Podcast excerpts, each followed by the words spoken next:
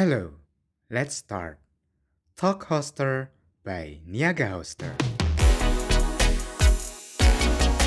More Knowledge Monolog Sharing Online Knowledge Hai Hoster People, ketemu lagi nih bareng aku Awanda di Niaga Hoster. Ngomongin soal YouTube, aku penasaran nih, apa sih yang muncul di benak Hoster People tiap dengar kata YouTube?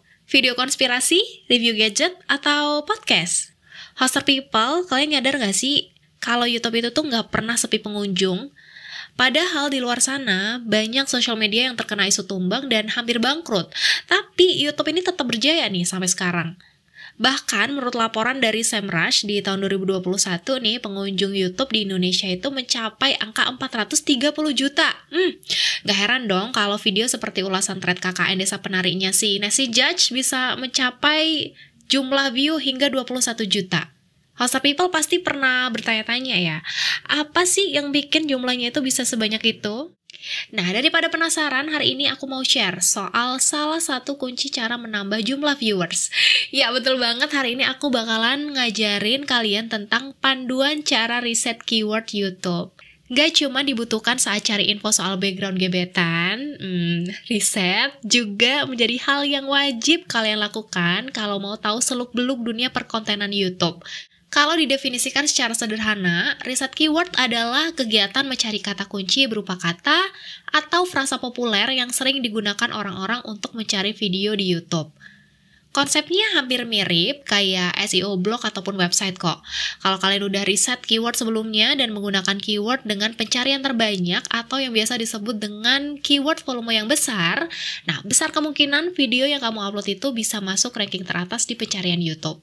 Selain bermanfaat untuk membuat channel YouTube itu lebih terkenal, riset keyword ini juga bisa jadi solusi saat ide konten lagi mandek loh. Kita jadi punya banyak referensi deh seputar topik menarik yang dibahas. Meskipun kadang dianggap sepele, riset keyword ini bisa membawa perubahan signifikan loh untuk video atau bahkan akun YouTube kalian. Nah, apa aja nih contohnya? Pertama, kalian bisa dapat lebih banyak viewers.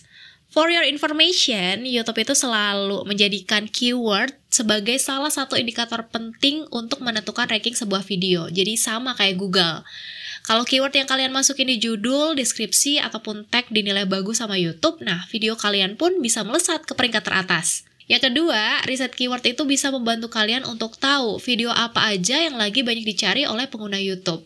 Misalnya, untuk informasi seputar kuliner, topik soal pengolahan biji kopi ini sekarang lagi ramai dibahas ya. Kalian bisa deh mengangkat pembahasan itu.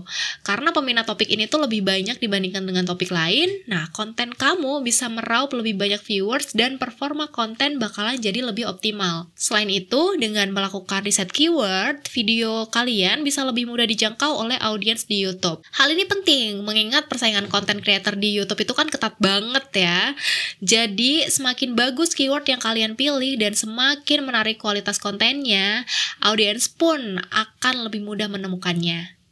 Apalagi kalau bukan cara riset keyword YouTube. Mulai dari cara yang paling sederhana dan murah meriah sampai yang agak modal dikit ya, aku udah rangkum semua nih buat Toaster People. Yang pertama ada YouTube Autocomplete atau yang biasa kita lihat sebagai suggestions. Kalau mau cari video di YouTube, kalian pasti bakalan masukin kata kunci atau nama video yang mau kalian tonton di kolom search bar kan? Nah, di sini kalian bakalan lihat beberapa saran atau suggestions dari YouTube terkait kata kunci apa yang paling banyak dicari sama audiensnya. Suggestions atau saran inilah yang bisa kamu jadikan sebagai referensi bahasan utama dari videomu. Cara selanjutnya adalah cek toko sebelah alias analisis lapaknya kompetitor. Siapa bilang kompetitor hadir cuman buat dijadiin musuh? Kadang keberadaan kompetitor itu tuh bisa jadi sumber inspirasi tambahan buat kita loh. Kita bisa pakai metode amati, tiru, modifikasi atau ATM bahasa kerennya ya.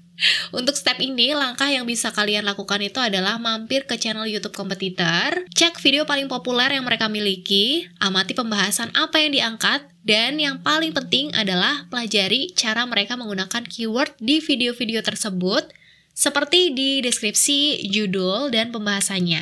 Ingat ya, ATM, Kegiatan intip-mengintip channel kompetitor itu masih berlanjut ya. Jadi setelah kalian mempelajari keyword yang dipakai di video terpopuler mereka, coba juga amati penggunaan meta tag-nya. Caranya, klik kanan di area deskripsi video, lalu pilih opsi View Page Source. Kalau udah, tekan kombinasi Ctrl plus F di keyboard, lalu ketik kata keywords. Di sini, kalian bisa lihat rincian kata kunci yang mereka pakai loh, hoster people. Contekan ini bisa kalian sisipkan di judul, deskripsi, tag, ataupun script video yang nantinya bakalan kalian buat. Nah, kalau cara yang satu ini bakalan mengharuskan kalian untuk mencongkel sedikit isi celengan ya. Tapi tenang aja, nggak ada usaha yang berakhir sia-sia kok. Nah, buat kalian yang udah serius mau jadi content creator di YouTube, coba deh invest di tools pencari keyword seperti Keyword Tool, Word Tracker, dan juga Vidik. Kalau pakai ketiga tools tadi, hoster people bisa mengetahui volume pencarian di keyword tertentu secara lebih detail. Misalnya, berapa ribu kali keyword itu dicari, berapa rata-rata viewers yang didapat, sampai info soal channel YouTube mana aja yang pakai keyword tersebut. Untuk range harganya sendiri, biaya berlangganan tools tersebut dimulai dari 100 ribu sampai 900 ribuan per bulan. Eits, ada info kejutan nih dari aku. Kalau kalian mau pakai tools yang gratisan dulu, Nah, sebenarnya Google Trends bisa jadi salah satu opsi terbaiknya. Di sini, kalian bisa lihat topik apa yang lagi ramai diperbincangkan di internet. Selain itu, kalian juga bisa ngecek apakah topik pembahasan yang pengen kalian angkat di video itu berpotensi untuk mendatangkan viewers atau enggak. Gimana hoster people? Makin bertambah dong ilmu barunya soal dunia perkontenan di YouTube. Sampai di sini dulu ya tutorial kali ini. Nantikan kehadiran aku dengan pembahasan menarik lainnya. Bye!